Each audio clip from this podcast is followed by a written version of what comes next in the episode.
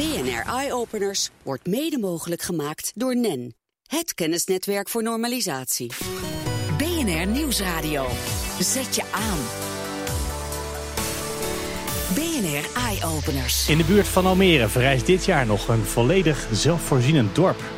Mark Beekhuis. Zo'n 100 families moeten daar zelf hun eigen energie gaan opwekken, zelf hun eigen eten gaan verbouwen. En dat is de visie allemaal van James Ehrlich van Rengen Villages. En hij is ook verbonden als onderzoeker aan de Stanford Universiteit. Maar het project was er waarschijnlijk nooit gekomen zonder de bemoeienis van Annemarie van Os van de gemeente Almere. Welkom. Ja, we hebben van tevoren bedacht dat we geen grappen gingen maken over Almere. Maar wat brengt een Amerikaan, notabene, helemaal naar Almere om daar zijn project te gaan verwezenlijken? Uh, nou, het is op zich een heel leuk verhaal. Ik kreeg een telefoontje van een collega die gewerkt had bij het ministerie van Buitenlandse Zaken in San Francisco. En zij vertelde mij, ze je moet contact leggen met James Ehrlich, want die heeft namelijk een fantastisch plan voor volledige zelfvoorzienende woningen op alle fronten. En volgens mij is Oosterwold in Almere daar de perfecte locatie voor. Dus ik uh, heb James gebeld en na een uurtje samen skypen waren we het er helemaal over eens dat inderdaad Oosterwold in Almere de perfecte locatie was. Want wat heb je over Almere verteld dat ook jullie dachten, ja maar deze man die past bij ons? Um, nou, uh, een heleboel. Uh, ja, na een goed. uur praten kan je natuurlijk een heleboel ja, zeggen. Ja, daarom. Um, maar het belangrijkste was eigenlijk um, de, heel veel van de eco-benaderingen die gaan eigenlijk een beetje over terug naar de natuur zoals vroeger. En zijn concept gaat juist over vooruit naar moderne, uh, semi-geïndustrialiseerde vormen van voedselvoorziening. En gewoon met de schaarser wordende stoffen nog steeds een prettig comfort behalen.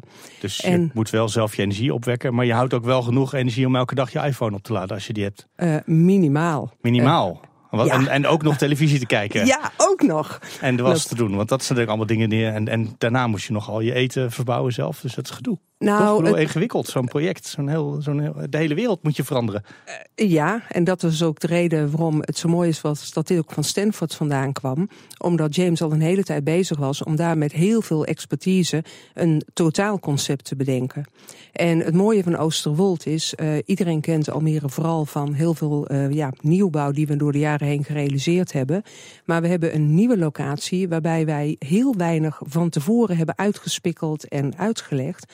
Waardoor de mensen voor een uh, hele lage prijs grond kunnen kopen. En daar helemaal hun eigen ontwerp, hun eigen plannen, hun eigen wegen, hun eigen voorzieningen kunnen gaan ontwerpen. Hij kan bijna zo vrij als hij in Amerika ook zou kunnen Oh. Nou, dat is wel grappig. Ja, inderdaad, daar doet het een beetje aan denken. Alleen dan wel op een steenworp afstand van uh, ja, uh, een hele grote internationale luchthaven. Ik zal niet noemen welke. Ach, waarom niet? Maar... Schiphol toch? Denk ik dat je aan denkt. Of bedoel je Lelystad? Dan hebben we er twee. Ja.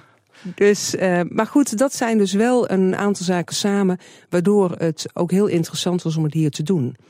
En na dat eerste telefoontje met James uh, kwam hij ook nog notabene op de campus in contact met een andere collega van het ministerie. Zij benaderde naar mij van zullen we dit samen eens oppakken? Martine de Vaan. Dat ben ik echt blij omdat we dat samen hebben kunnen doen. En op dat moment hebben we James in contact gebracht met uh, TNO, TU Delft, uh, heel veel uh, wetenschappelijke instituten, ook een hele serie grote projectontwikkelaars. En nou, binnen no time was er echt zo'n voor iedereen die iets doet op het gebied van of voedsel, of energie, of water, of elke combinatie. Uh, ja, razend enthousiast en kon hij zijn verhaal hier ook verder verankeren. Ja, en hij, nou is die James Ehrlich, die is meer dan alleen maar bezig met een bouwproject, waar hij dan met zijn bedrijf geld aan wil verdienen, want dat wil hij natuurlijk ook. Maar het is ook wel zo'n visie dat hij ja, een betere wereld wil maken. En hij is zelfs van plan om dat dorp in Almere, om daar zelf ook te gaan wonen met zijn gezin. We hebben hem even gebeld en toen vertelde hij dat ons. Dus laten we even luisteren hoe hij vertelt over het project. Regen Villages is not a traditional real estate development company. In the sense that we don't just build and then sell and move on to our next opportunity. We build and we become part of each community forever. Because we want to manage the thriving mechanisms we, want, we manage those as a concierge level of services.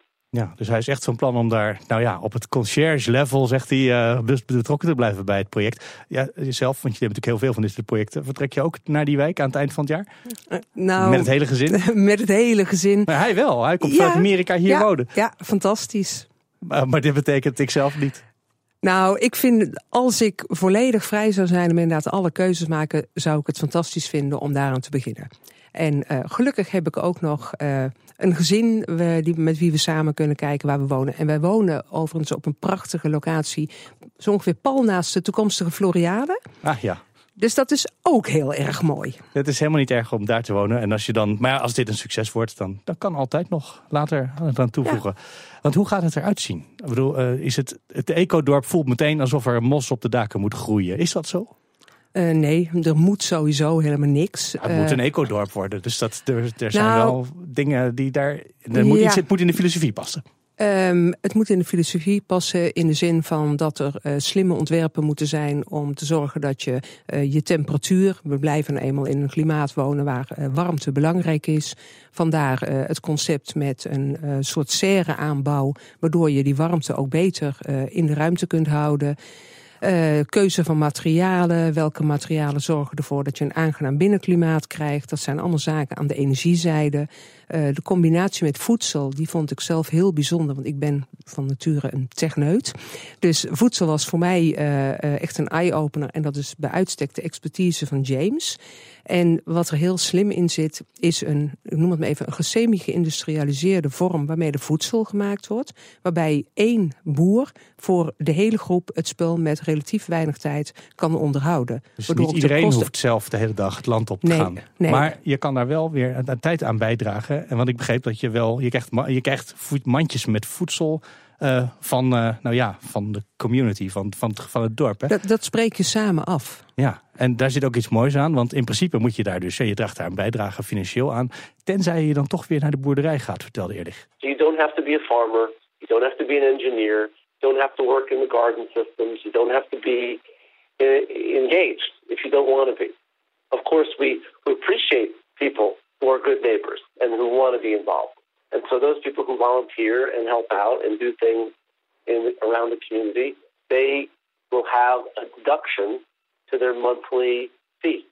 Ja, dus je betaalt huur of je betaalt een bijdrage voor dat maandelijkse eten wat je krijgt. Tenzij je zeg maar, ja, je diensten aanbiedt, gewoon in werk. Je gaat schoffelen misschien in, de, in dat semi-industriële boerderij. Ja, dat weet nog niet ja. hoe dat eruit gaat zien. Ja. Dat is natuurlijk een fascinerende nieuwe oplossing die daar ja. verzonnen wordt.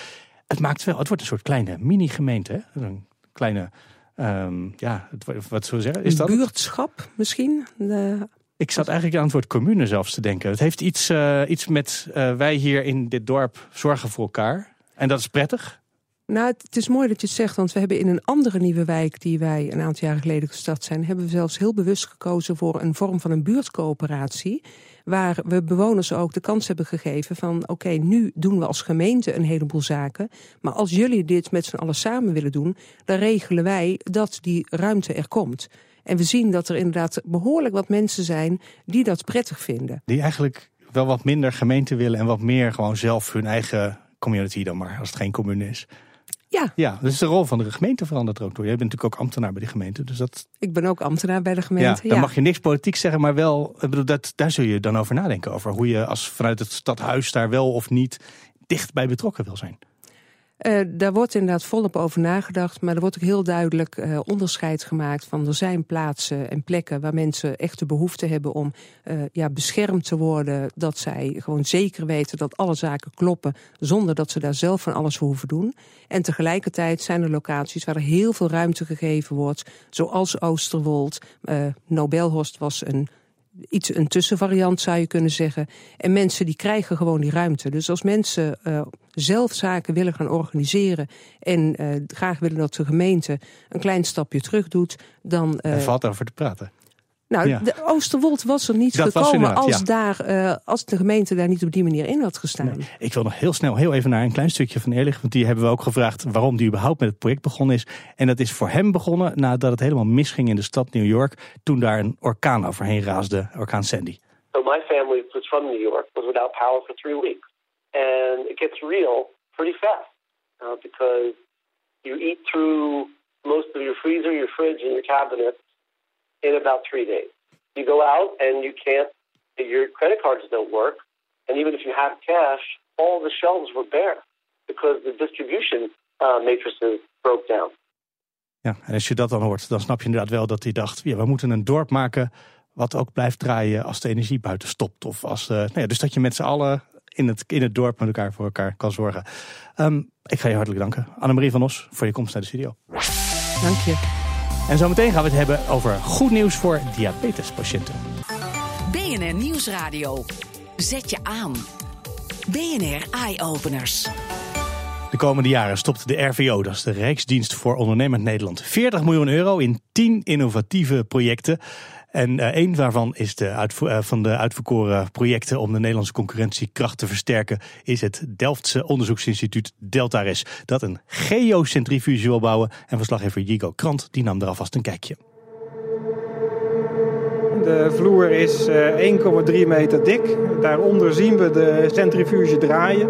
En als we echt onderzoek doen, dan sluiten we het gat in de vloer af met een stop. Harm Aantjes, onderzoeker bij onderzoekinstituut Deltaris.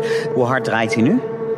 Hij draait nu uh, eh, 20 toeren en 2,5 G daar kan ik nog in die bak zitten en dat overleef ik gewoon. Ja hoor, bij 2,5G kan je nog gewoon in die bak zitten. Max Verstappen die zie ik bij 3,5G eh, bochten nemen. Een astronaut krijgt een training en die kan dan maximaal kan die 10G hebben, een hele korte tijd. En dat is dus iets waar mensen tegen kunnen. En dit apparaat kan tot? En dit apparaat kan tot 300G, eh, waar wij vooral proeven doen tussen de 100 en de 200G. Dus dat zijn enorme drukken die je dan op een grondmonster toepast. Maar nu stelt het RVO een grote som geld beschikbaar eh, voor dit onderzoek, maar het apparaat staat er toch al? Het apparaat staat er al, maar wij willen met een nieuw apparaat willen wij graag meer doen dan dat we nu kunnen. Hier deden we al 26 jaar onderzoek mee. Maar wij willen ook het effect van aardbevingen willen we kunnen onderzoeken. En dat is iets wat we tot nog toe nog niet konden doen. Want dan moet het apparaat niet alleen heel snel ronddraaien, maar wat nog meer? Dan moet het apparaat nog steeds met 100, eh, 200 G rond kunnen draaien. Maar het moet ook nog tijdens de vlucht kunnen trillen op een horizontaal en verticale manier. Maar is dit gigantische apparaat tegenwoordig nog nodig? Je zou zeggen, je kan het allemaal simuleren met computers. Het ontwerp wat de aannemer buiten bouwt, daar wil je soms kijken of dat beter of optimaler kan. Daarvoor bouw je dat op schaal na en doe je dit soort proeven. Daarnaast wil je weten wat er in de grond plaatsvindt. Je kunt niet in de grond kijken. En daar zul je toch met dit soort testopstellingen zul je proeven moeten blijven doen. Dat valt niet met een computer na te bootsen. De uitkomsten daarvan doe je daar wel in. En het model wordt daar uiteindelijk beter van. En wat gaan we daar in Nederland nou van merken? In Nederland zullen onze dijken daar uh, veilig van blijven. Ondanks dat uh, de zeespiegel stijgt, ondanks dat de bodem daalt. Um, op de no Noordzee kunnen we windmolens bouwen die hoger zijn als dat we ze nu doen. Omdat je dit soort proeven doet. En in Amsterdam kan je een Noord-Zuidlijn boren eh, zonder de hele stad daarvoor open te hoeven leggen. Hebben ze er in Groningen ook wat aan? In Groningen zullen ze daar zeer zeker wat aan hebben. Het aardbevingonderzoek wat daar plaatsvindt gaat daar voordeel van hebben. En daardoor wordt hetgeen wat we daar gaan bouwen en hetgeen dat daar al staat veilig. Nou, dan mag je wel uit. Frans, hij mag uit. Ja, druk maar op die knop. Armaantjes zei dat in de reportage van Jigo Krant. BNR Nieuwsradio. BNR Eye Openers. Een nieuwe sensor moet het leven van diabetespatiënten een stukje makkelijker maken. Leven met diabetes. Dat betekent constant opletten op wat je eet, regelmatig medicijnen of insuline gebruiken en veel lichamelijke klachten. Vakantie van diabetes heb je nooit. Maar met nieuwe technieken kunnen patiënten wel af en toe even ergens anders aan denken. Een van die nieuwe technieken is zojuist goedgekeurd om de markt op te gaan. Ik werk bij een, ja, een onderzoekscentrum uh, dat zich specialiseert op diabetesonderzoeken. Erik Zelstra, werkzaam bij Profiel in Duitsland, vertelt meer over de Eversense. Een systeem van het Amerikaanse bedrijf Sensonics, waarmee het voor diabetespatiënten een stuk makkelijker wordt om hun bloedsuikerspiegel in de gaten te houden. Op dit moment bestaat het systeem uit drie delen. De sensor die onder de huid wordt geplaatst een transmitter die je dan over de sensor op de huid plaatst. En een app die op je smartphone, die dan alle data die door de sensor en door de transmitter verzameld worden, kun je daar dan, kun je daar dan zien op je app. Het bijzondere aan het systeem is dus die sensor die maanden in het lichaam kan blijven zitten. En die app die zeer accurate informatie dan weer doorgeeft. De transmitter zit op je arm als een soort armband. In Nederland heeft ongeveer 1 op de 16 mensen diabetes. Jessica is daar één van. Zij deed mee aan het onderzoek naar de Eversense en vertelt hoe zij het systeem heeft ervaren. Ik vond het echt zo handig en zo lekker. En ik voelde me veel beter. En normaal dan ben je er inderdaad constant mee bezig. En nu kon je toch een soort van een beetje loslaten. Want je had het altijd bij je, weet je wel. Je had altijd je suiker gewoon bij de hand. En natuurlijk moet je blijven prikken en alles. Om te kalibreren. Maar ja, het was wel echt gewoon, je voelde je veel beter daardoor. En uh, ja, echt een wereld van verschil. Ik was zo blij ermee. Jessica is dus positief, maar of ze hem zou blijven gebruiken, ligt er voor haar een beetje aan hoe vaak de sensor vervangen moet worden. Nu is hij officieel goedgekeurd voor drie maanden. Waarschijnlijk wordt dat binnenkort zes, maar die testen lopen nog. Zelstra ziet het als een begin. In de toekomst zal er nog veel meer mogelijk zijn. Het is zeker een idee um, om het um, systeem weer te verkleinen. En het zou natuurlijk een mooi toekomstbeeld zijn dat je dan een sensor onder de huid plaatst. Bijvoorbeeld door een kleine injectie ook. Niet dat je daar een, een soort van uh, incisie moet maken. En dat die sensor dan een jaar lang meet en uh, dat die dan vanzelf oplost. Dat zou natuurlijk helemaal mooi zijn. Het zou natuurlijk ook een idee zijn om deze hele transmitter die je op de huid draagt, dat je die niet meer nodig hebt. Dat de sensor dus al het werk doet, hij meet en hij zendt de data direct aan je, aan je telefoon op, zodat je alle data dan op je app kunt zien. De Eversense zal, wanneer alle testen zijn afgerond, ook in Nederland op de markt verschijnen. En dat zei Carlijn Meinders. We gaan naar Elger van der Wel, hoofdredacteur van Numrush.nl. Die houdt voor ons altijd de ontwikkelingen in de gaten over de grens. En laten we eens beginnen met Siri, want Apple gaat die virtuele personal, personal assistant, dat moet je ook in het Nederlands kunnen zeggen, maar is nog geen goed Nederlands woord voor, hè, van Elger. Uh, ja, iets meer ruimte geven. Vertel, welke ruimte krijgt Siri allemaal? Nou, het gaat, gaat eigenlijk uh, twee kanten op. Als eerste uh, is op dit moment natuurlijk Siri een persoonlijke assistent uh, die in de iPhone en iPad zit. En daarnaast sinds, sinds ruim een jaar ook in de Apple Watch, het horloge van Apple. Maar hij komt nu ook naar, de, naar de Mac, het bestuurssysteem voor MacBooks en op je bureau. iMac. Precies, op je bureau. Ik zie het nog niet helemaal gebeuren dat je op kantoren met je collega's tegen je computer gaat praten, maar misschien thuis wel. En het is vooral ook bedoeld om bijvoorbeeld zoekopdrachten te doen, even snel iets te vertalen. Uh, maar bijvoorbeeld ook, je kan vragen hoeveel ruimte je nog op je harde schijf hebt. En dan geeft hij het antwoord zonder dat je allemaal moeilijk de instellingen in moet. Er zitten best wel wat handige functies in. En wat handig is, als je bijvoorbeeld bestanden opzoekt, dan kun je ook gewoon vanuit Siri weer naar, uh, naar vensters toeslepen. Groot verschil natuurlijk met de iPhone, waar je, waar je geen vensters hebt en niet kan, uh, kan slepen. Nee, want een veel kleiner schermpje natuurlijk. We even bij Apple. En maar wel bij de kleintjes, maar dan de kleine kinderen. Want daar heeft Apple ook iets voor bedacht. Een nieuwe generatie computers. Ja, dit is wel een, uh, een grappig dingetje. Uh, Tim Cook was, uh, was vorige maand tijdens de Startup Fest in Nederland. En toen benadrukte hij heel erg hoe belangrijk het is dat, dat kinderen leren programmeren. Dat het eigenlijk net zo belangrijk is als het leren van een, van een vreemde taal zei hij redelijk letterlijk daar op het podium. En uh, nu blijkt dat dat een voorbode was voor een aankondiging die Apple op het uh, ontwikkelaarscongres gisteren ging doen. Uh, er komt namelijk een, een app die heet Swift Playground voor de iPad. En daarmee kunnen kinderen spelenderwijs leren programmeren in Swift. En dat is de programmeerstaal van, van Apple zelf, waarmee je, waarmee je apps kunt bouwen. Dus uiteindelijk kunnen, kunnen jonge scholieren spelenderwijs appontwikkelaar worden.